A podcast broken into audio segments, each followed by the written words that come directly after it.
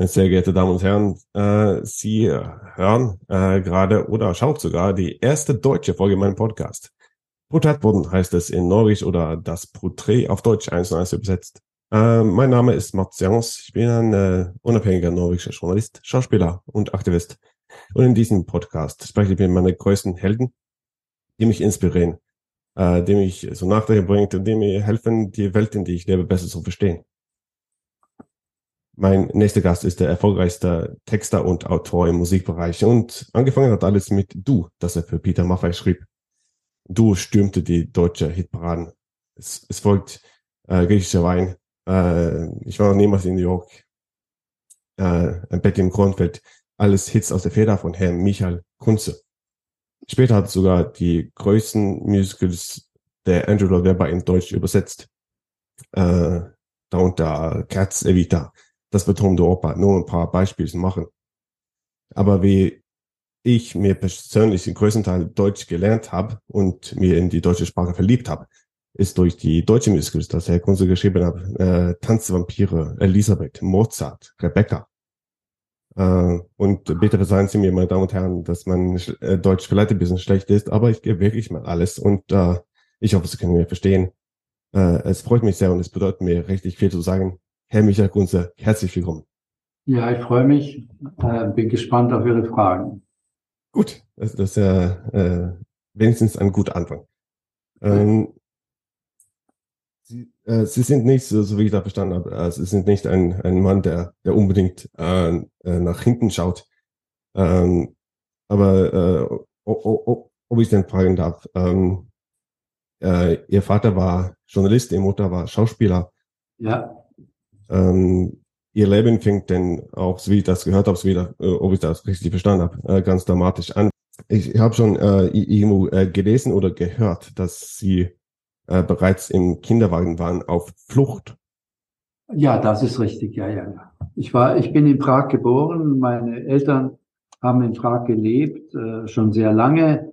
Sie sind aus einer österreichischen Familie, die äh, in Prag äh, studiert hat äh, und, und äh, als Ehepaar haben sie dann äh, nach äh, 1945 äh, die Tschechoslowakei verlassen müssen, weil alle Deutschen äh, ausgewiesen wurden, egal ob sie äh, jetzt später kamen mit den Nazis oder dort schon gelebt haben. Und das ist ihnen eben auch passiert. Und so haben sie ihre Heimat verloren und mussten natürlich mich als kleines Kind, ich war noch ein Säugling von äh, anderthalb Jahren äh, mich mitnehmen. So, also den, den, den Leb also Leben fängt, dann ganz, ganz dramatisch an, aber den ähm, äh, die, also ähm, sagen wir so, also der, äh, der, den, den Fakt, dass, dass, dass ihr, ihr Mutter Schauspieler war, äh, bedeutet das, dass Sie ein, ein größeres Interesse in, in Kunst, Kultur und, und äh, den Theater äh, habt oder, oder kommt es natürlich, wenn Sie ein bisschen älter werden? Ich glaube, dass das damit zu tun hat, weil äh, als kleines Kind schon bin ich von meiner Mutter mit hinter die Bühne genommen worden und habe dann durch äh, die äh, Seitenbühne äh, sie auf der Bühne gesehen und äh, diese Atmosphäre des Theaters äh, habe ich eben schon als kleines Kind mitbekommen. Die, die äh, äh, äh eine von die, die grö äh, größten äh, Rolle, so wie ich da verstanden habe, war Medea. Richtig, ja. das ist die, die Frau, die ihre Kinder umbringt, ja. ja. Wie ich das, äh, wie, wie ist das denn äh, äh, ihr Mutter so, so sehen äh, auf die Bühne, dass äh, sie ihre Kinder um, äh, um, umgebracht haben und dann fahren sie wieder so aus, alles ist schön und so. Ich glaube, das habe ich nicht verstanden. Ich war damals erst sechs oder sieben Jahre alt und okay. äh, ich habe, ich fand es nur erstaunlich, wie sie eben auf der Bühne aussah und wie sie da agiert hat. Äh, die Geschichte habe ich sicher nicht verstanden. Und äh, ihr Vater war, war Journalist und ich, ich meine, ich habe auch ähm, äh, äh, gelesen, sie, sie äh, möchte oder äh, habt sogar ihr, ihr eigenen äh, Zeitung gemacht. Ja, ja, als kleines Kind, also so mit zehn Jahren, acht, eigentlich schon mit acht Jahren, habe ich äh, eine eigene Zeitung gemacht und habe die äh, vervielfältigt mit einem Kohlepapier und äh, habe äh, äh, die an andere Kinder vergeben. Geld habe ich dafür nicht verlangt, sondern mhm. ich habe einen Untertitel gehabt, äh, der hieß kostenlos für arme Leute.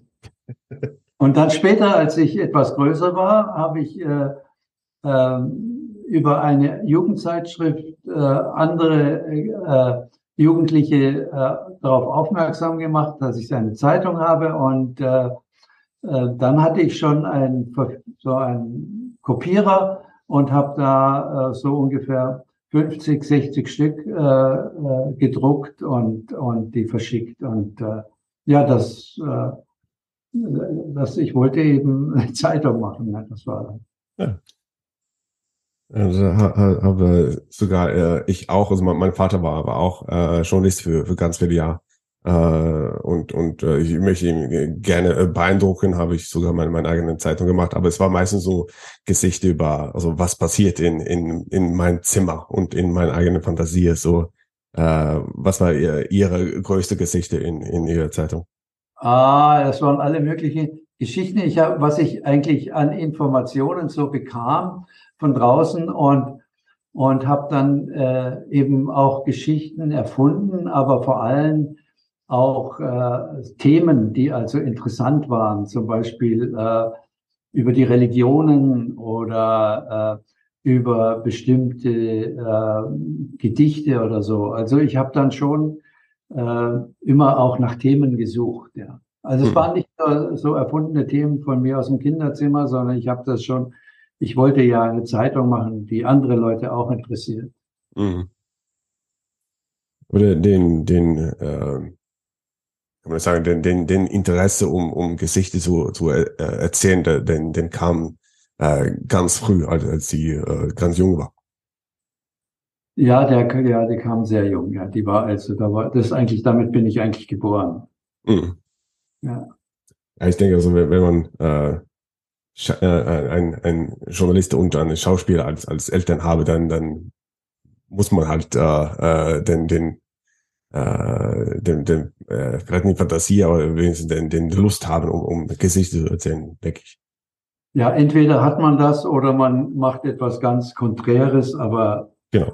das war ich nicht. Also ich hab, wollte schon so auch was machen, ja. Mhm. Und also, äh, wenn sie äh, ein bisschen äh, äh, älter war, also sie äh, studieren Jura auf der Universität, aber äh, gleichzeitig äh, produzieren sie äh, Texte für, äh, äh, für also riesengroße äh, deutsche Artisten. Ja, ja, so schnell ging das nicht. Ich habe also ja. äh, als äh, Student, äh, also eigentlich schon in der Schule, äh, Liedertexte geschrieben und die bekamen dann irgendwelche Verleger in die Hände. Und ich habe dann die Chance bekommen, ähm, eben für einen Verlag äh, Lieder exklusiv zu schreiben. Und äh, dafür bekam ich einen kleinen Vorschuss. Und äh, das war für mich als Student natürlich sehr gut, weil ich dadurch äh, mein Studium auch äh, finanzieren konnte. Und habe dann äh, äh, in der Zeit schon äh, ein paar Erfolge gehabt, aber keine großen Erfolge. Ich habe da hauptsächlich ähm, erstmal die ganze Branche kennengelernt. Ich habe gelernt, wie das überhaupt funktioniert, äh, wo man Lieder anbietet und wie, wie äh, Schallplatten produziert werden und so weiter. Das, und auch wie Schallplatten promotet werden. Das habe ich eben alles gelernt in diesen äh, vier, fünf Jahren. Und die erste Produktion, die ich also äh, unabhängig von einem Verlag gemacht habe, das war eben Du von Peter Maffay. Mhm.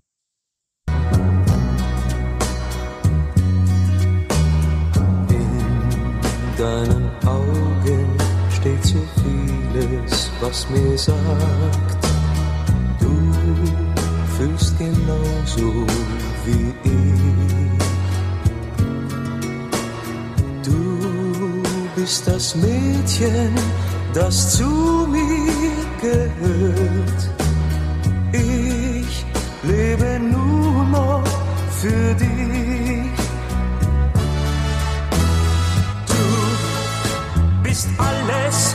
Was ich habe auf der Welt. Du bist alles, was ich will.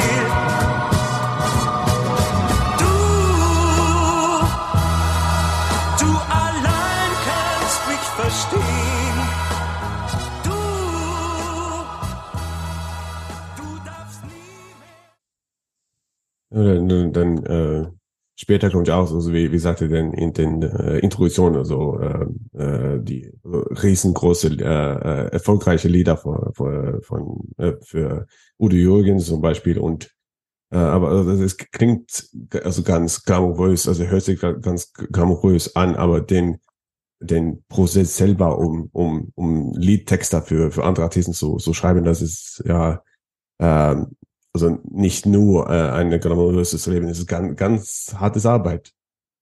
Ja, nun, es ist vor allem, es ist Arbeit, es ist vor allem ein Beruf. Und ich habe Ja. dann beschlossen, nachdem ich nicht Rechtsanwalt, aber Rechtsanwalt oder Richter werden wollte, beschlossen, äh, diesen Beruf des äh, Autors äh, professionell zu betreiben. Das heißt, ich bin morgens um 10 an den Schreibtisch gegangen und um 5 Uhr habe ich aufgehört. Und äh, das war äh, äh, eben nicht, dass man unter einem Baum sitzt und wartet, bis man eine Idee hat für ein Lied, sondern man hat gezielt für gewisse bestimmte Künstler äh, Texte entworfen und äh, hat auch versucht äh, zu verstehen, warum gewisse Lieder Erfolge werden und andere nicht.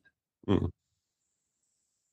Ja, das äh, ist dann halt, äh, also so, so wie das, das verstanden habe von, von früheren äh, Interviews, was ich gehört habe, äh, dass äh, es war diesen äh, ähm, äh, sagt man das, äh, eine Verantwortung, dass man äh, dieser Nu- Nummer eins Lieder äh, immer schreiben kann und dass man so alles unter den, den Top Top Ten äh, quasi war.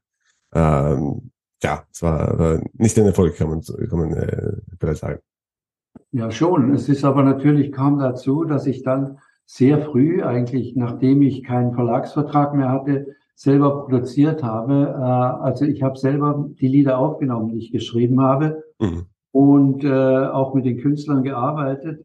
Und da ist man natürlich in einer besonderen Verantwortung, weil die Schallplattenfirmen mir das Geld gegeben haben, um die äh, Aufnahmen zu produzieren.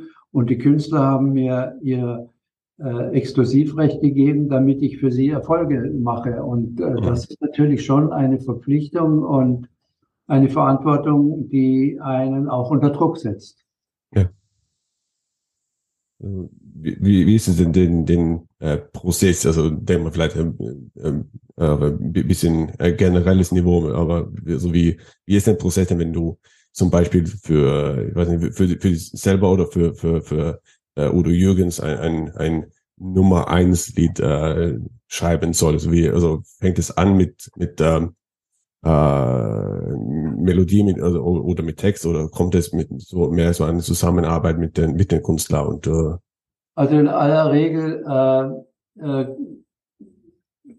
ist es eine Zusammenarbeit äh, mit dem Komponisten, Hm. Äh, mit äh, dem Ziel beziehungsweise dem Auftrag für einen bestimmten Künstler ein Lied zu schaffen. Das ist der normale Fall. Aber äh, nachdem ich natürlich etabliert war, dann nach einigen Erfolgen, bekam ich auch einfach äh, Tonbänder auf den Tisch und äh, da waren Musiken drauf und da wurde mir gesagt für den und den Künstler und dann habe ich einfach das ganz alleine gemacht, ohne, ohne den Komponisten. Der hatte vorher schon eine Melodie gemacht, auf der irgendwie gar kein Text war oder ein englischer äh, äh, Schimmeltext, also ein, ein, ein Text zum Wegwerfen, aber der eben schon die Melodie beschrieben hat.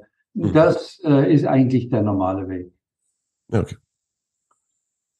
Wie, wie, wie, also, äh, wie finden, finden Sie es denn am, am, am besten? Ist, es- ähm, äh, einfacher oder oder oder äh, äh, schöner sozusagen äh, ein, ein, ein Text von von von Ihren eigenen Kopf sozusagen zu schreiben, also äh, ohne einen, einen Auftrag von einer, einer anderen äh, Artist oder Künstler oder oder ist es äh, besser äh, sah man, du kriegst eine, eine Musik von einer Komponistin und hatte Ja. Mel- Melodie bereits und Also in Popmusik ist es einfach so, dass professionell ist es, für einen bestimmten Künstler zu schreiben. Ja. okay. Mhm. Äh, und, und man schreibt nicht einfach Lieder. Äh, der, manchmal haben Leute gefragt, was haben Sie denn in der Schublade? Da habe ich gesagt, in meiner Schublade ist gar nichts.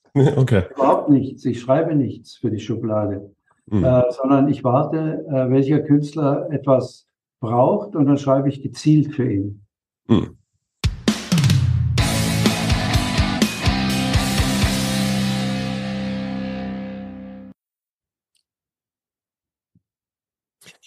So, äh, Herr, Herr- Grunzer, also wir, wir bewegen uns äh, gleich zum, zum nächsten Thema und, zwar äh, die, die Musicals, was ich geschrieben habe. Ähm, aber ich, ich finde, ähm, also ich hatte nur eine, eine, äh, Gedanke in den, den, den äh, Zwischenzeit. Äh, vielleicht ist es nur mein, meine eigene äh, Naivität, aber wenn ich höre, äh, zum Beispiel griechischer Wein oder noch niemals in New York höre, dann denke ich, äh, äh, direkt, dass es eine Udo Jürgens Hit ist. Äh, ich denke nicht unbedingt, dass es eine, eine, eine, eine Michael Kunze äh, Ja, Li- Lied ja. ist, so, so, so als Texter. Also wie finden Sie es denn, dass, dass es eine, eine, eine gro riesengroße Hit für eine andere Person ist und da- dass es nicht eine Michael Kunze äh, Success ist, sozusagen. Ja, also ich habe immer meinen äh, Job als Liedertexter verstanden als eine Art Ghostwriter für Interpreten. Mhm. Nur war die Situation mit äh, Udo Jürgens ein bisschen äh, anders noch, weil Udo ja äh, der Komponist ist und äh, wir waren eben Partner auch als Autoren. Insofern hat hier also der äh, Komponist auch gesungen, aber er war eben auch Interpret und als Interpret war er die Firma, die Marke Udo Jürgens. Und das ist ja gewollt, dass die Leute glauben, es ist 100 Prozent sein Lied. Mhm. Das ist nicht etwas, äh, äh, was ich nicht will. Ich will auch äh, da gar nicht in Erscheinung treten. Also für mich ist das vollkommen klar, dass äh, das nur funktioniert, dieser Erfolg von einem Sänger, wenn das Publikum das Lied mit ihm äh, identifiziert. Mhm. Es ist eine professionelle Haltung, nicht die Haltung eines ehrgeizigen äh, Liedertexters. Ich schreibe eben keine Gedichte, sondern ich schreibe Liedertexte. Äh, okay, so Sie, Sie haben, äh, um, um, ob ich das äh, richtig verstanden habe, also Sie, Sie äh, es, äh, es schmerzen Sie es ni- nicht, dass es, äh, es Nein. dass Sie, na, Nein, okay, nein, das ist äh, praktisch, es gehört zu dem Beruf. okay.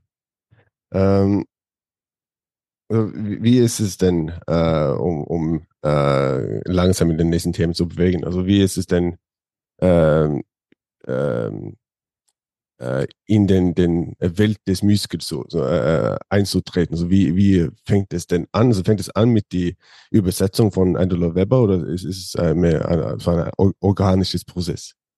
Ja, es ist äh, insofern ein organischer Prozess, als ich natürlich schon, äh, bevor ich für Lloyd Webber gearbeitet habe, zwei, drei Sachen äh, übersetzt habe. Aber ich war ja ursprünglich jemand, der zum Musical keine direkte Beziehung hatte, weil äh, Hm. für mich war, ich bin aufgewachsen mit äh, Rock'n'Roll. Äh, die Erweckung in meinem Leben war äh, Elvis Presley und Jerry Lee Lewis und diese Leute, Chuck Berry. Ähm, und das Musical war für mich was Altmodisches. Hm. Äh, eigentlich fing es erst an, mir Spaß zu machen, mich damit zu beschäftigen, als ich äh, äh, durch Zufall äh, in New York ähm, in ein schwarzes äh, Musical äh, ging. Das hat mein damaliger Rechtsanwalt äh, in New York, hat mich überredet, dahin zu gehen. Äh, und das war ein äh, Stück, das nur von äh, schwarzen Schauspielern gespielt wurde und äh, das äh, hatte auch eben Soul und, und, und Funky Musik. Und da dachte ich, na ja, wenn, wenn diese Art von Musik auf der Bühne möglich ist, dann interessiert mich das schon. Mhm. Und dann äh, kam äh, ein, eine Anfrage an mich, ein äh, sehr lustiges Musical, nämlich äh, Little Shop of Horrors, äh, Ja. zu übersetzen.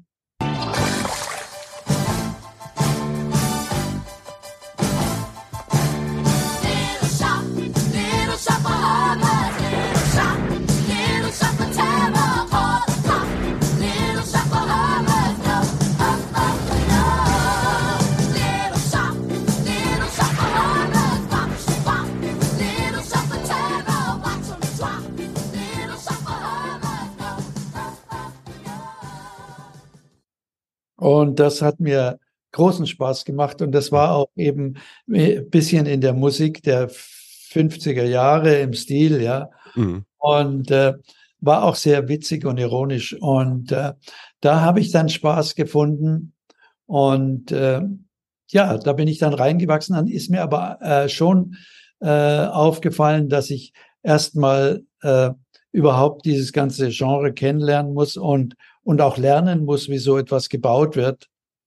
Und ähm, das war eigentlich der Prozess, den ich dann zehn Jahre gehabt habe, dass ich äh, verschiedene Musicals übersetzt habe, wo, wobei übersetzen nicht das richtige Wort ist. Man muss ja äh, quasi die Liedertexte so übersetzen, dass sie gesungen werden können und Ja. übersetzen geht da nicht. Also man muss äh, sozusagen sie neu schreiben mit der Intention des Originalautors. Und äh, zu Lloyd Webber bin ich gekommen, dass er hat mich eigentlich selber angerufen, gefragt, ob ich das machen würde. Und zwar war das Evita. Ja. Das war das erste Musical, was ich für Andrew Lloyd Webber gemacht habe und Tim Rice.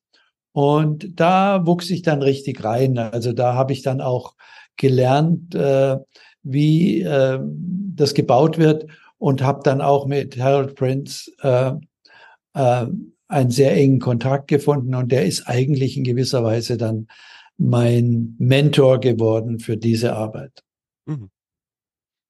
Das ist äh, gar nicht eine, eine, schlechte äh, Mentor so, so, so haben, um das äh, sagen kann. Ähm, ich, ich finde auch, also, äh, äh, so, so wie Sie sagt, also man, man äh, also Musicals kann, kann oft äh, äh, klingt vielleicht ein bisschen al- altmodisch, ein bisschen, bisschen, äh, bisschen zu the the theatralisch und, und so. Man, also, aber äh, wenn man den, den richtigen äh, Schlüssel findet, den richtigen äh, Gesichter findet, das, also, das, also äh, es, es gibt, äh, gibt nicht viel andere äh, Formen äh, Theaterkunst, das so leidenschaftlich äh, und so, so starke äh, äh, Gesichter erz- erzählen kann, finde ich wenigstens. Ähm, und da, das war äh, wir- wirklich mit, äh, also mit meinen äh, kurzen Zeit in Deutschland die Introduktion für, für deutsche Musicals, so die äh, die Übersetzung, also die, die äh, neue Erzählung, die no, neue Texte, und, aber auch die, so Tanz der Vampire und Rebecca und Elisabeth und so. Also den, den, den äh, also ich so direkt äh, eine Leidenschaft gefunden für, für die, die deutsche Sprache äh, durch äh, die Musicals. Äh, und und äh, dadurch ha- habe ich mehr oder we we weniger äh, Deutsch gelernt. Ja. Ähm, äh, ähm, aber ich finde find, find so, so ähm, wenn man denn ähm, ähm, wenn man denn so äh, eine, eine äh, Anruf bekommt von von Lloyd Webber, also ich, ich mö- möchte Sie haben als als äh, Texter, also wie wie wie finden Sie es? Also, ist es so, äh, also äh, haben denn so äh, so viel Respekt, dass man dass man äh, ähm, mehr oder weniger so äh, äh, also nicht was zerstören möchte oder man, man möchte nicht so, so frei ähm, ähm, über die, die originale Texte schreiben. Also so äh, wie, wie groß an, an Freiheit äh, haben Sie, wenn Sie die, die englische Texte in, in, in Deutsch äh, äh, neu schreiben soll? Ja, also so, äh, äh, normalerweise ist es so, und das ist auch jetzt für meine Musicals, wenn sie in andere Sprachen übersetzt werden, äh, man gibt dann, es gibt dann eine Rückübersetzung in die Originalsprache, so dass der Autor und die äh, und der Komponist äh, sieht, äh, wie das übersetzt worden ist, also wie wie das neu äh, geschrieben worden ist. Und äh, natürlich ist es so, dass äh, auch für Weber sehr wichtig war, dass die Lieder gut klingen. Hm. Das ist übrigens auch für äh, mit Björn Ulbeus, äh, der, wo ich Mama Mia die Lieder gemacht habe, das Hm. war eben das Wichtigste, dass die Lieder gut klingen. Ja, Äh, das ist auch etwas, was oft übersehen wird bei dieser Arbeit. Das ist eben nicht eine Übersetzungsarbeit in dem Sinne, sondern es müssen Liedertexte geschrieben werden, die eben von den Sängern auch so gut gesungen werden können, dass das Ganze klingt. Weil ein Liedertext ist eben auch eine Art, ein Teil der Musik. Und äh, da muss eine Einheit entstehen. Und äh, das war eigentlich immer ganz gut. Sekunde. Ja, also äh, wir haben gesprochen über so wie, also, wenn Ja. man äh, dann neue Texte für, für äh, Genau. äh, Genau. Also es ist, es ist einfach äh, eine handwerkliche Tätigkeit, die auch jemand versteht, der wie Lloyd Webber dauernd äh, eben mit, äh, mit Texten arbeitet äh, als Komponist. Und äh, selbstverständlich ist es eigentlich so, als würde man das Ganze nochmal schreiben in der Mhm. Sprache, äh, die man kann. Äh, und man versucht es als äh, Übersetzer oder Adapter so zu schreiben, wie der Originalautor es schreiben würde, wenn er die Sprache so beherrschen würde. Das Mhm. heißt, die Lieder sollen dieselben Sinn haben, aber sie müssen klingen nicht wie übersetzt, sondern wie original. Das Mhm. ist eigentlich das Ziel. Okay. Also so, so äh, äh, wie, wie nah muss man den, den äh, ähm, Originaltext sein, also mit den, zum Beispiel den, den Phrasierungen, also wie Ja, Also, äh, äh, weißt du, die Idee ist, dass äh, das Lied sozusagen dieselbe Dramaturgie hat. Jedes Lied hat eine gewisse Dramaturgie. Hm.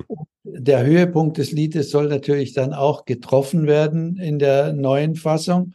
Äh, und äh, die Phrasierung und äh, vor allem, na, da bin ich sehr scharf drauf hinterher. Ich will keine zusätzlichen Silben, keine, keine andere Phrasierung. Es muss genauso funktionieren wie im Original. Hm. Ja, das ist der Ehrgeiz. Ja.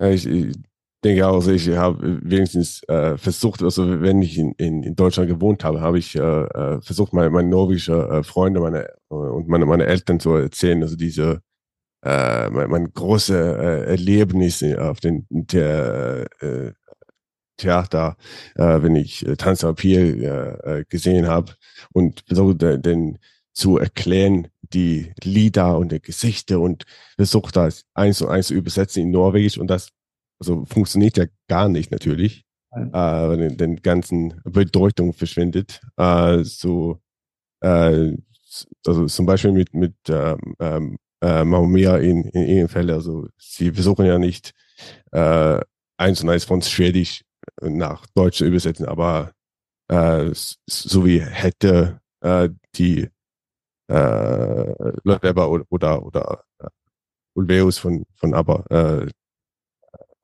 hätte die Deutsch sprechen können, hätte die es so machen sollen. Ja, genau. Ja. Das ist klar. Wobei natürlich bei Tanz Vampire ist natürlich das Schwierige beim Übersetzen. ähm, Das ist auch generell eine Schwierigkeit von diesen Übertragungen.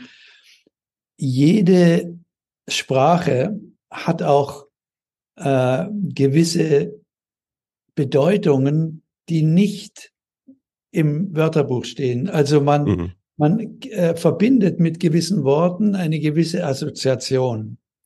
Und es gibt eine zweite Ebene, äh, wo man sagt, ja, das ist schon korrekt übersetzt, aber da Aber ist eine zweite Bedeutung dahinter. Die Leute, die das hören, denken dabei an Das Mhm. kann ein Kinderbuch sein, das kann irgendein Volkslied sein, das kann irgendetwas sein, was man eben so äh, in der Sprache verwendet.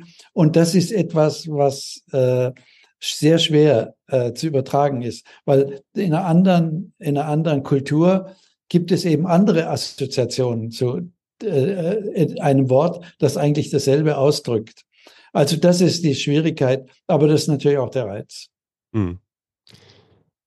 Und wie ist es, also, äh, also wenn, so, äh, es ist ja halt, es ist ja ri- richtig wichtig, dass die, dass die, äh, dass man die, die richtige äh, äh, äh, Worte finden, finden können, aber es muss ja äh, äh, äh, gleichen Zeit äh, zu den, den Lied und der Melodie passen und den, und den äh, gleichen äh, Gesichter erzählen sozusagen.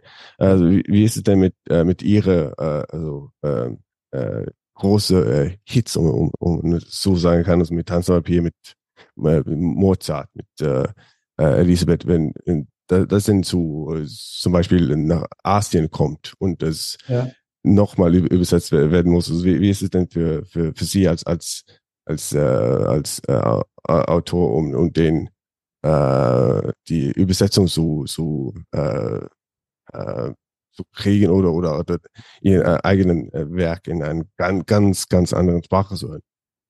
Das ist sehr schwer, weil äh, ich kann natürlich äh, die Rückübersetzung äh, kann ich lesen Mhm. und äh, ich kann aber nicht die Dinge lesen, die eben, die ich gerade angedeutet habe, die eben in der Sprache sind und in der Kultur sind. Und das ist besonders äh, äh, entscheidend in asiatischen Ländern, weil die Kultur ist mir natürlich fremd.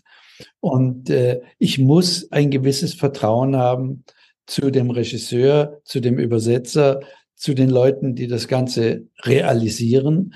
Äh, und dieses Vertrauen äh, prüfe ich nur daran, ob die, der Effekt, der, die emotionale Kraft des Stückes äh, in der anderen Sprache funktioniert. Und äh, das äh, ist nicht immer sicher. Also manchmal geht was, es geht fast immer was verloren durch die Übersetzung, aber äh, das Wichtigste ist ja bei einem Musical, dass die Emotion äh, äh, funktioniert, dass die Emotion ausgelöst wird. Und äh, wenn das, das kann ich auch beurteilen als äh, jemand, der die Sprache nicht kennt. Ja, ich merke dann, ob das Publikum äh, dieselbe Reaktion zeigt, wie ein deutsches Publikum zeig, äh, haben würde. Und wenn es das nicht tut, dann frage ich natürlich schon, ähm, wieso ist das nicht so? Und äh, aber letztlich, letztlich ist es eine Sache des Vertrauens. Ich versuche immer, wenn ein äh, Stück in einer anderen, in einer anderen Kultur aufgeführt wird, sehr kritisch zu sein bei der Auswahl der, äh, des sogenannten Leading Teams, also Regisseur, äh, Übersetzer äh, und all die anderen Leute, die beteiligt sind. Weil wenn das sehr gute Leute sind, die auch einen gewissen, äh, schon einen gewissen äh, Credit haben von anderen Dingen, die sie gemacht haben, dann, äh, dann habe ich auch das Vertrauen. Die wollen ja, wir wollen ja alle dasselbe, wir wollen denselben Erfolg haben. Ja, klar, klar. Also, äh, ist auch so, äh, so stelle ich mir das wenigstens vor, also äh, wenn man äh, als äh, Künstler äh, ein, eine, äh, äh, einen eigenen äh, Welt gebaut hat, sozusagen. Also man hat einen, einen eigenen Spielplatz und dann lässt man äh, anderen Künstler, Künstlerinnen in, in ihren eigenen Spielplatz sp- spielen. Äh, und also wie, also als Künstler, wie, wie einfach ist es denn, den äh, instinktiv den, den, den Vertrauen zu haben, dass man auch, äh, weiß auch, ja, die, diese, diese, diese Teams sind, sind richtig gut, aber ich, da- das ist tr- trotzdem mein, mein, mein, mein, mein Kind. Also ich, ich, Ja. ich hoffe Ja, nur, dass aber, aber, aber weißt du, das ist ja so, ich bin ja von Anfang an darauf angewiesen, Mhm. dass andere mitarbeiten. Es ist Ja, ja, fängt ja damit an, dass ich ein Konzept habe, dann arbeite ich mit dem Komponisten, dann arbeite ich äh, mit einem Regisseur, dann arbeite ich mit einem Setdesigner und es wird immer größer bis zu den Schauspielern. Mhm. Und äh, das ist eben meine Auffassung, es macht keinen Sinn, wenn ich alles kontrollieren will. Weil wenn ich alles kontrolliere, dann ist meine Person das allein Entscheidende. Aber das ist zweidimensional. Das ist nur das, wie ich es aufs Papier bringe. Ich will aber, dass es dreidimensional wird. Das heißt, ich brauche die Kreativität von anderen Künstlern, die das nehmen und es in eine Sphäre tragen, die größer ist als die, die ich alleine erreichen würde. Hm. Das kann ich aber nur schaffen mit Leuten, die wirklich gut sind. Ja. Also ist mein eigentlich, ei- eigentliches Interesse hier, einen Mitarbeiter zu finden, denen ich das zutraue. Und äh, ich habe bisher immer Glück gehabt, weil äh, äh, ich habe eigentlich selten eine große Enttäuschung erlebt in der Beziehung. Hm. Und äh, äh, ja, okay, äh, also wenn, man den ähm, äh, äh, um, um äh, einen, einen äh, äh, anderen äh, äh, Seite so so so äh, so schauen, also wie, wie wenn man dann ähm, äh, die, diese diese äh, dreidimensionale Show äh, en- endlich hat und man, man weiß, dass man, also da- dass eine Geschichte in, in gute Hände, Hände sind. So ähm, äh, wenn den, den Premiere kommt, also er, er endet äh, ihre äh, äh, Verantwortung als Autor, äh, wenn die, die erste äh, äh, Show fertig ist oder äh, ist es immer noch, also ich, ich könnte was verbessern oder ich, ich kann Ja. was, äh, Ja, immer so.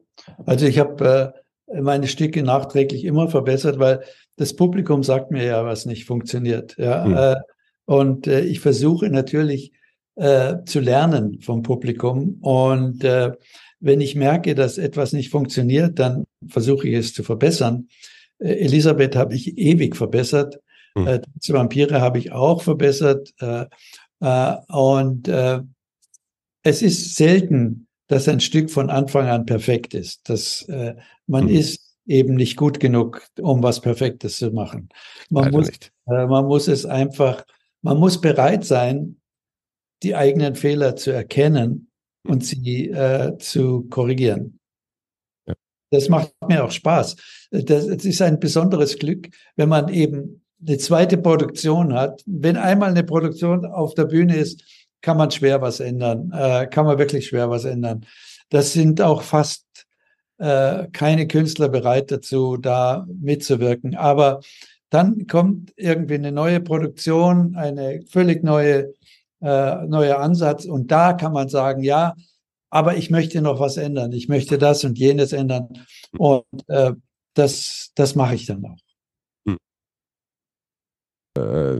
Elisabeth und, und Tanzania Pia sind ja äh, äh, zwei von die, die, die, die grö größten äh, Musicals der, der deutschsprachigen äh, Welt äh, und äh, wird äh, also immer neue Pro Produktion äh, ganz über Europa und, und Asien, so wie wir gesagt haben.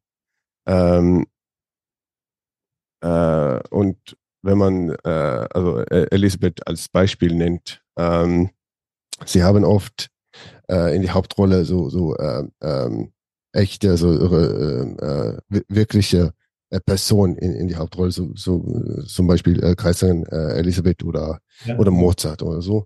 Äh, also, äh, ist es denn ähm, für Sie ein- eine eine äh, äh, mögen Sie lieber in einer äh, echten Welt so so schreiben so sein? Oder äh, finden Sie es ähm, besser wenn man äh, also äh, wenn, wenn sie die äh, all die, die, die Regeln neu, neu machen kann und, und alles bestimmen kann.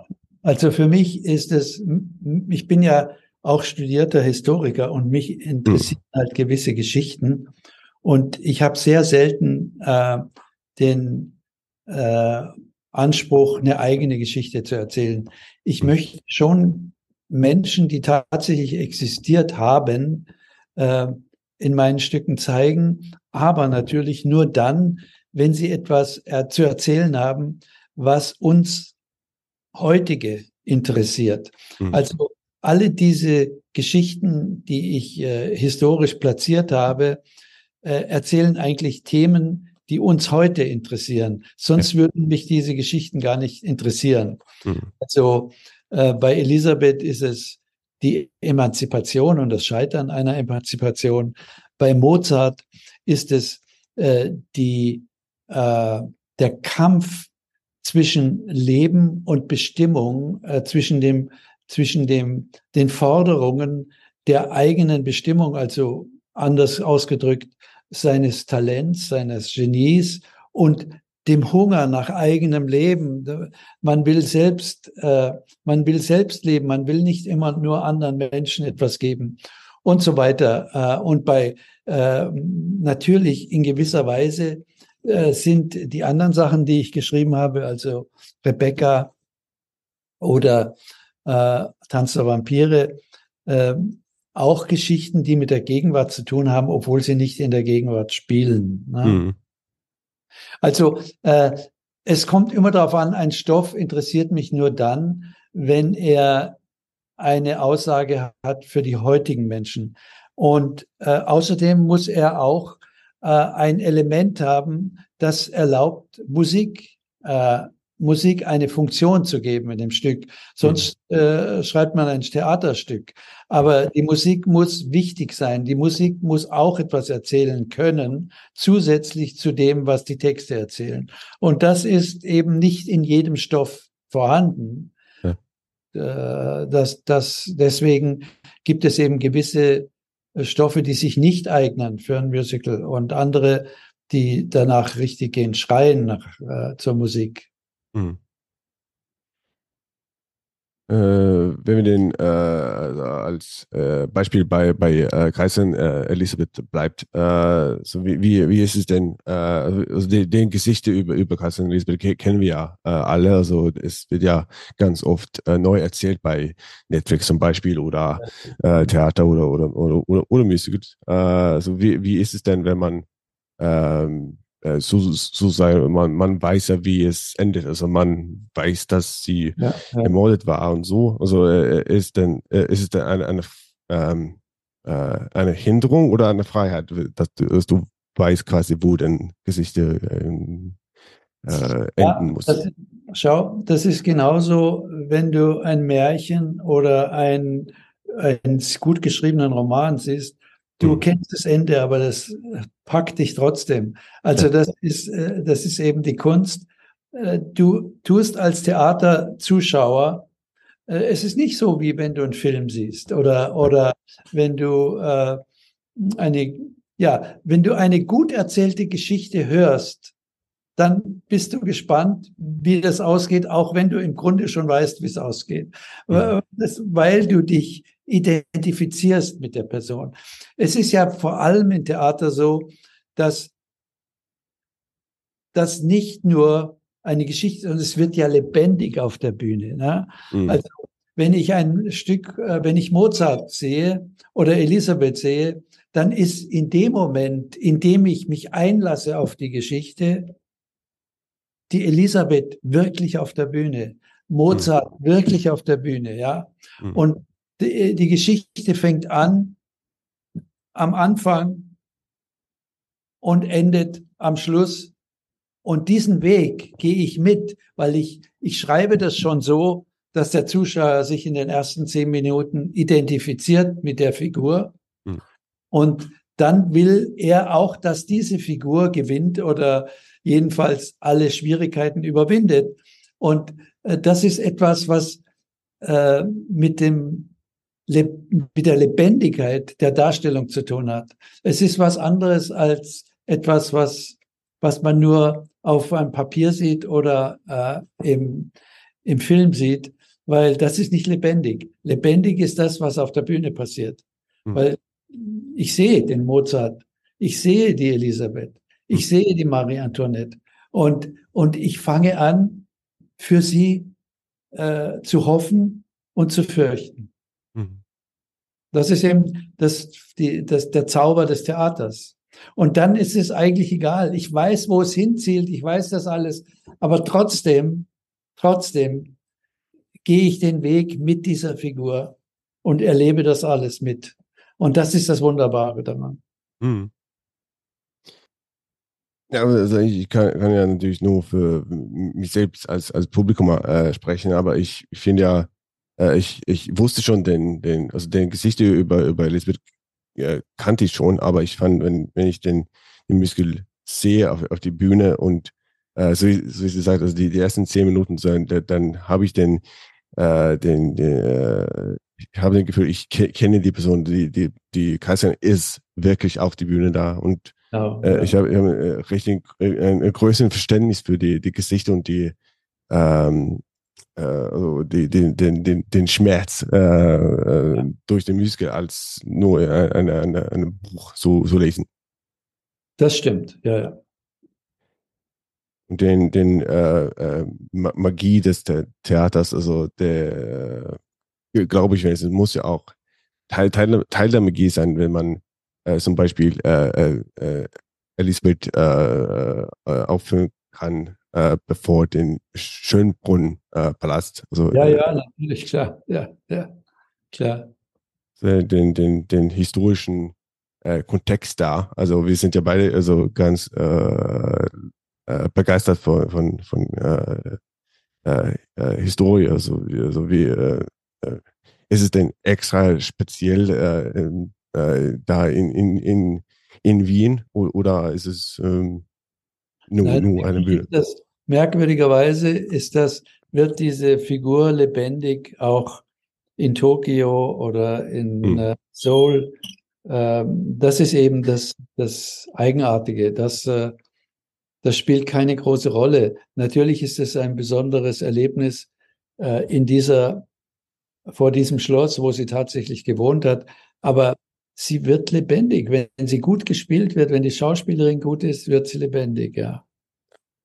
Und dann den äh, äh, äh, ganz, ganz speziell in, in Elisabeth ist ja den, den äh, Dualität, den ähm, vielleicht ist es falsch zu sagen, aber den, den, den Liebesgeschichte quasi zwischen Elisabeth und, und der Tod. Äh, und äh, ist ja halt eine, einen großen Teil von äh, Kaiserin Elisabeths Leben, den, den äh, den, den, den Tod ist, ist, ist, ist immer nah, aber wie ist es denn, äh, zum Beispiel eine, eine, eine Duett zu schreiben zwischen, zwischen äh, Kaiserin Elisabeth, eine lebendige Person und der Tod?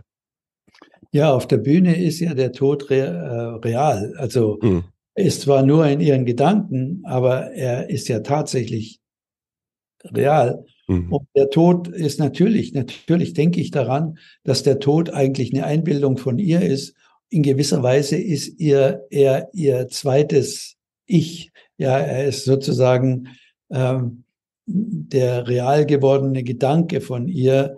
Ähm, und er ist ja auch nicht, er ist ja auch nicht der Tod, so wie wir ihn kennen, sondern ist der Tod in ihrer Vorstellung. Mhm. Und sie hat eben diesen, sie war ein äh, Bewunderer von Heinrich Heine und äh, der junge Heinrich Heine war eben ein sehr gut aussehender blonder Dichter und äh, so hat sie sich den Vor Tod vorgestellt. Also Mhm. es ist, kommt da, es ist eigentlich eine psychologische Figur, eine, eine Vision von ihr, ähm, die, ähm, die auch gleichzeitig natürlich ihre depressive Seite, nämlich diese Sehnsucht nach, äh, ja, nach dem Sterben äh, äh, realisiert und, und auf die Bühne bringt. Das war eben eine besondere Idee von mir, das so darzustellen, äh, die mir auch plötzlich gekommen ist und gesagt habe, ich kann diese Geschichte eigentlich nur so erzählen. Hm. Was für ein Triumph! Mein Triumph, Gleich ein Fest! mein die Feinde überwunden. So endest du den Lauf der Welt in meinem Sinn. So eng sind wir verbunden. Ich tu's nicht für die Welt, Nicht für die Welt, nur für mich. für mich. Jetzt habe ich meinen Weg gefunden. Sie haben über dich gelacht, doch jetzt hast du dich durchgesetzt. Und sie wie sie. hielten mich an Drähten fest, als Puppe, die man tanzen lässt. Doch ich werd keine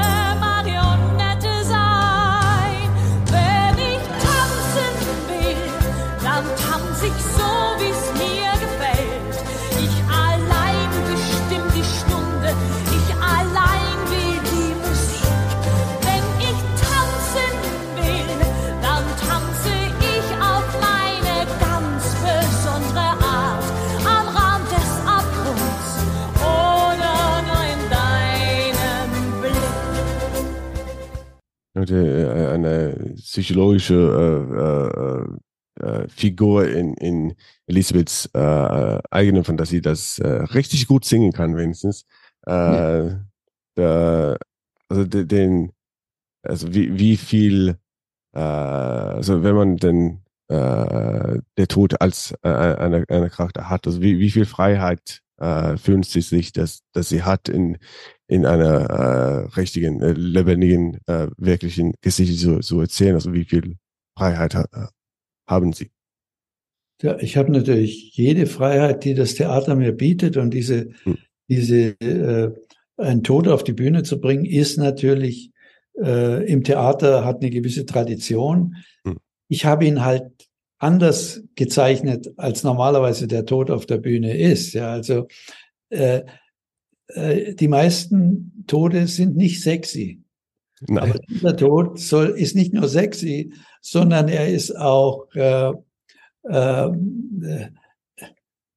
er ist auch nicht eindeutig männlich. Ja, also er ist äh, androgyn. Hm. Und, äh, äh, mein Vorbild beim Schreiben äh, war, ähm, war eben ein, äh, so diese androgynen äh, äh, Popsänger, die, äh, die man, die man immer wieder sieht. Also diese Mischung zwischen männlich und weiblich und äh, ist auch passt ja auch zum Tod. Ne? Hm. Und es ist ja auch nicht eindeutig, wie Elisabeth war, ob sie nicht sehr stark äh, eher eine lesbische Ader hatte, wissen wir auch nicht. Ne? Ja. Und das ist ja alles unwichtig. Äh, äh, wichtig ist, dass der Tod sehr erotisch sein muss. Ja? Und, äh, Hm. und das ist etwas Neues. Also früher war äh, der Tod eben etwas Schreckliches und, und auch auf der Bühne immer etwas Grausliches. Aber hier ist der Tod eine Verführung. Ja. Hm. Ja, und äh, ähm, also das ist auch, äh, finde ich, finde ich, es ist also ein richtig äh, ähm, äh, schön und respektvolles äh, Weg, um den, den Depression zu, zu zeigen. Also äh, und es ist ja nicht, äh, so, so wie ich weiß, also nicht zu oft, dass man äh, so ähm, mentale äh, äh, Krankheiten auf die auf die Bühne zeigt, also wenigstens nicht in einer Musik. Ja, klar. Klar. So, da, also da finde ich auch richtig gut, was sie gesagt haben. So, so wenn erste Mal, wenn ich äh, Elisabeth gesehen habe, war äh, auf auf äh, auf die, auf die Fernseher in in Deutschland. Dann äh, mein mein erster Gedanke war so der der Tod. Der ist ja so so David Bowie, also so, irgendwie so so richtig so an- androgyn so und denkst, oh, es, es war nicht so, zu falsch ein, ein Gedanke. Es war es war ähm, Nee, David Bowie ist eine sehr gute, sehr guter Name da. Der hätte das als junger Mann oder als jüngerer Mann spielen können, ja. Mhm. Also ich, also in dies- diesem Podcast äh, äh, stelle ich lieber nicht so, so schwere Fragen oder, oder Fragen, dass, dass man äh, am, liebsten nicht äh, antworten möchte. Also äh, wenn Sie, wenn Sie nicht äh, antworten möchte, dann sagen Sie einfach Bescheid. Aber ähm, ich finde es so äh, richtig schade, äh, speziell mit mit mit äh, Rebecca und und äh, und Pier, äh, wenn man so bei bei ähm, Broadway sieht zum Beispiel, dass also dass den den englische Übersetzung vielleicht äh, nicht so äh, gut gelaufen habe oder es gi- gibt äh, äh, Probleme oder oder äh, also den den die die die englische Übersetzung die englische ähm, Verführung wird vielleicht nicht so äh, hat vielleicht nicht so gut gelaufen als man gehofft hat kann man sagen Okay, das sind zwei ganz verschiedene Dinge. Tanz der Vampire ist ja äh, von dem Manager von äh, Jim Steinman äh, Hm. an den Broadway gebracht worden. Äh, und äh, er hat ursprünglich geglaubt, er hätte die Rechte, etwas, es völlig neu zu bearbeiten. Und äh, als ich davon erfuhr, ähm, hatten die schon das bearbeitet. Und zwar haben sie eigentlich das Stück total die Struktur zerstört und sie haben äh, eigentlich äh, das Stück wie ein, von mir wie ein Steinbruch behandelt, indem sie einzelne Dinge verwendet haben, andere nicht, andere neu geschrieben. Also es war also ganz schrecklich. Das ist, das ist das, weshalb das nicht funktioniert hat. Es hat auch deswegen nicht funktioniert, weil Tanz der Vampire ist äh, äh, voll von äh, äh, Ironie, Doppelbedeutungen, äh, merkwürdigen, also ein, der Humor von Tanz der äh, Vampire fehlt von den zweideutigen Dingen, die passieren. Und es ist äh, äh, eine Parodie auf äh, einerseits die Horrorfilme, aber andererseits auch auf die deutsche Philosophie, auf die äh, deutsche äh, Erziehungs- äh, oder Bildungstheorie. Äh, Theorie. äh, und das hat sehr viel mit äh, auch unserer Kultur zu tun. Mhm. Das alles ist nicht übersetzt worden. Und äh, Jim hat sowieso nie verstanden, worum das, worüber das Stück geht. Jim wollte immer ein richtiges Horror-Musical haben. Der wollte immer äh, ein, ein richtig, wirkliches Vampir-Musical machen. Das ist Okay. es aber nicht, weil dieses Musical macht sich lustig Ja. über die Vampir-Szene. Mhm. Okay, das ist die eine Sache. Das hat also nicht funktioniert. Ja. Rebecca ist das ja was ganz anderes. Rebecca hat ja Christopher Hampton übersetzt, also die, die Dialoge und die Lieder haben wir gemeinsam gemacht und das ist sehr gut übersetzt. Und äh, das ist eben deswegen nicht am Broadway gekommen, weil der Producer äh, nicht in der Lage war, das äh, zu finanzieren und er ist auf Leute hereingefallen, die ihn getäuscht haben. Das äh, hat mit dem Stück selber eigentlich gar nichts zu tun. Ja. Der Skandal ist die Finanzierung und die Betrügereien, die da passiert sind bei der Finanzierung. Also das ist ein anderes Thema. Und äh, ich denke, dass langfristig Rebecca auch auf dem englischsprachigen Markt äh, kommen wird. Mhm. Nicht am Broadway, aber mh, das ist auch nicht so entscheidend. Ich drücke die Daumen. Ähm, äh, das geht vielleicht äh, auch äh, so, so, so äh, was ihr denn vorher gesagt habt, über so äh, Vertrauen und, und mit, Ja. mit guten, also der, der mit äh, der Gesicht mit Rebecca kann man ja natürlich nicht, äh, das war natürlich nicht äh, mit, mit der Produktion selber zu, äh, hat ja ni- nichts mit, der- mit den Produktionen selber zu tun äh, und ist natürlich äh, eine, eine richtig große Schade. Ähm, aber äh, ähm, äh, wie ist es denn, also haben Sie immer noch den, den Vertrauen, um, um äh, Ihre äh, Musicals äh, in Englisch zu bearbeiten oder, oder haben Sie äh, also, Ich habe durchaus das Vertrauen, aber links äh, Broadway habe ich nicht sehr viel, äh, sehr viel, äh, keine guten Erfahrungen gemacht. Äh, ich habe ja auch äh, eine Zeit lang äh, in New York gelebt. Ich habe mir den Broadway beobachtet. Es ist so, dass sowohl der Broadway als auch das West End er hat eine starke, starkes Community ähm, äh, Feeling. Es ist so, dass Leute von außen nicht gerne gesehen werden. Äh, und man muss in dieser Community äh, groß geworden sein. Und äh, ein leider verstorbener Rechtsanwalt, der beste eigentlich, äh, den, den, den es damals gab, der hat mir gesagt, weißt du, Michael, du wirst äh, nur dann am Broadway ein Stück laufen lassen, wenn das gesamte Team außer dir aus Amerikanern besteht. Äh, sonst wirst du keine Chance haben. Und ich habe das ja auch beobachtet. Es gibt Stücke äh, von Franzosen, äh, die versucht haben, am Broadway zu platzieren. Es äh, hat nie funktioniert.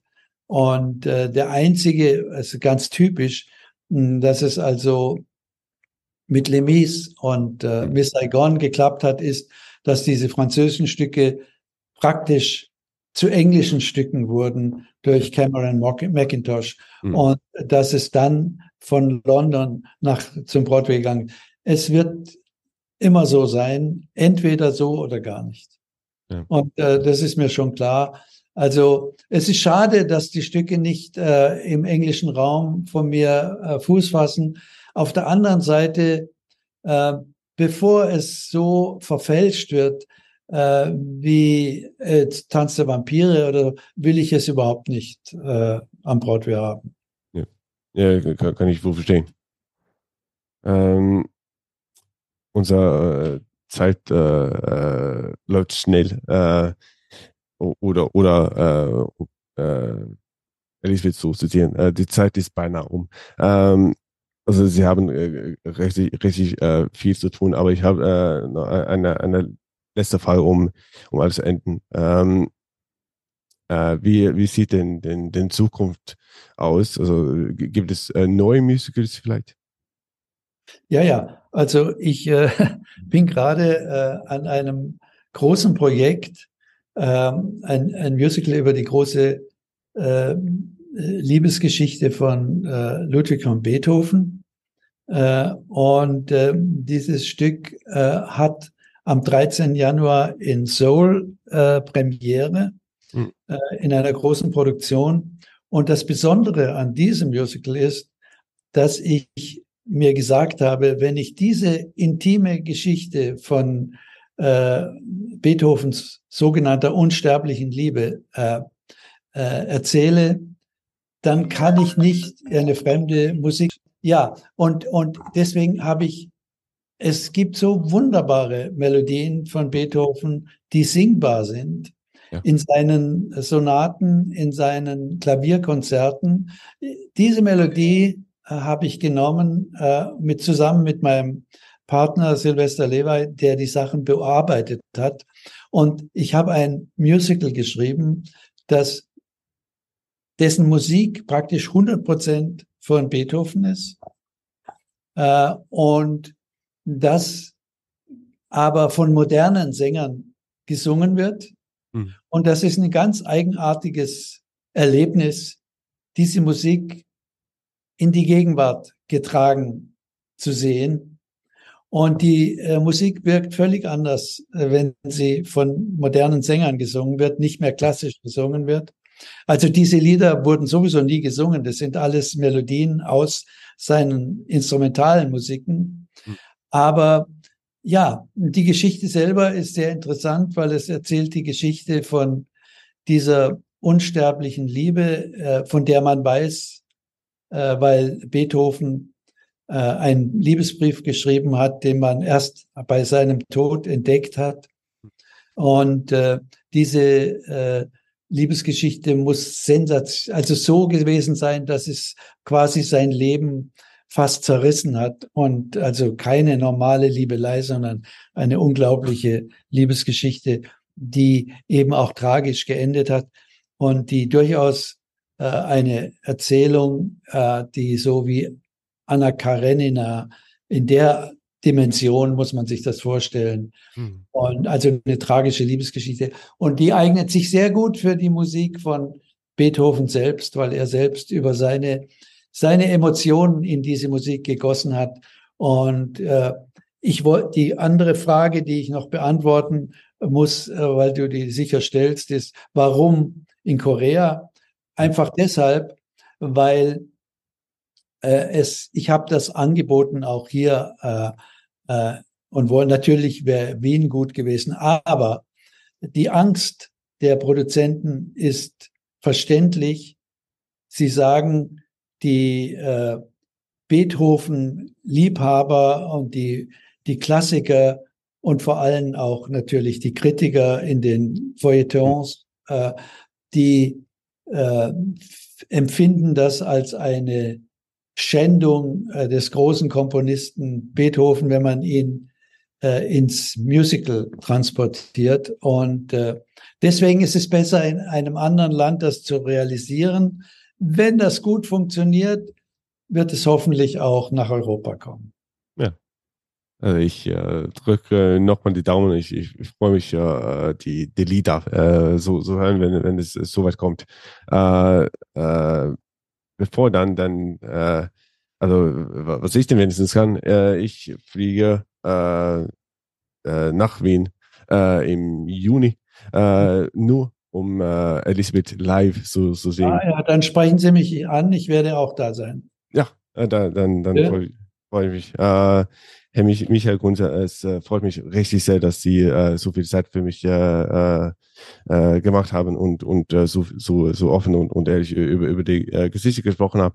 Äh, ich äh, lasse Sie jetzt äh, äh, wieder arbeiten und äh, ja, ähm, nochmal äh, vielen Dank für, für Ihre Zeit. Danke für Ihr Interesse und äh, rufen Sie mich, Sie, Sie können mir einfach eine E-Mail schreiben, wenn Sie nach Wien kommen. Ja. Und dann können wir uns irgendwie, äh, kann ich Ihnen sagen, wo wir uns sehen können. Ja, das wäre richtig toll. Okay, Okay, gut. Ich danke Ihnen und wünsche Ihnen alles Gute. Ciao. ebenso. Ciao.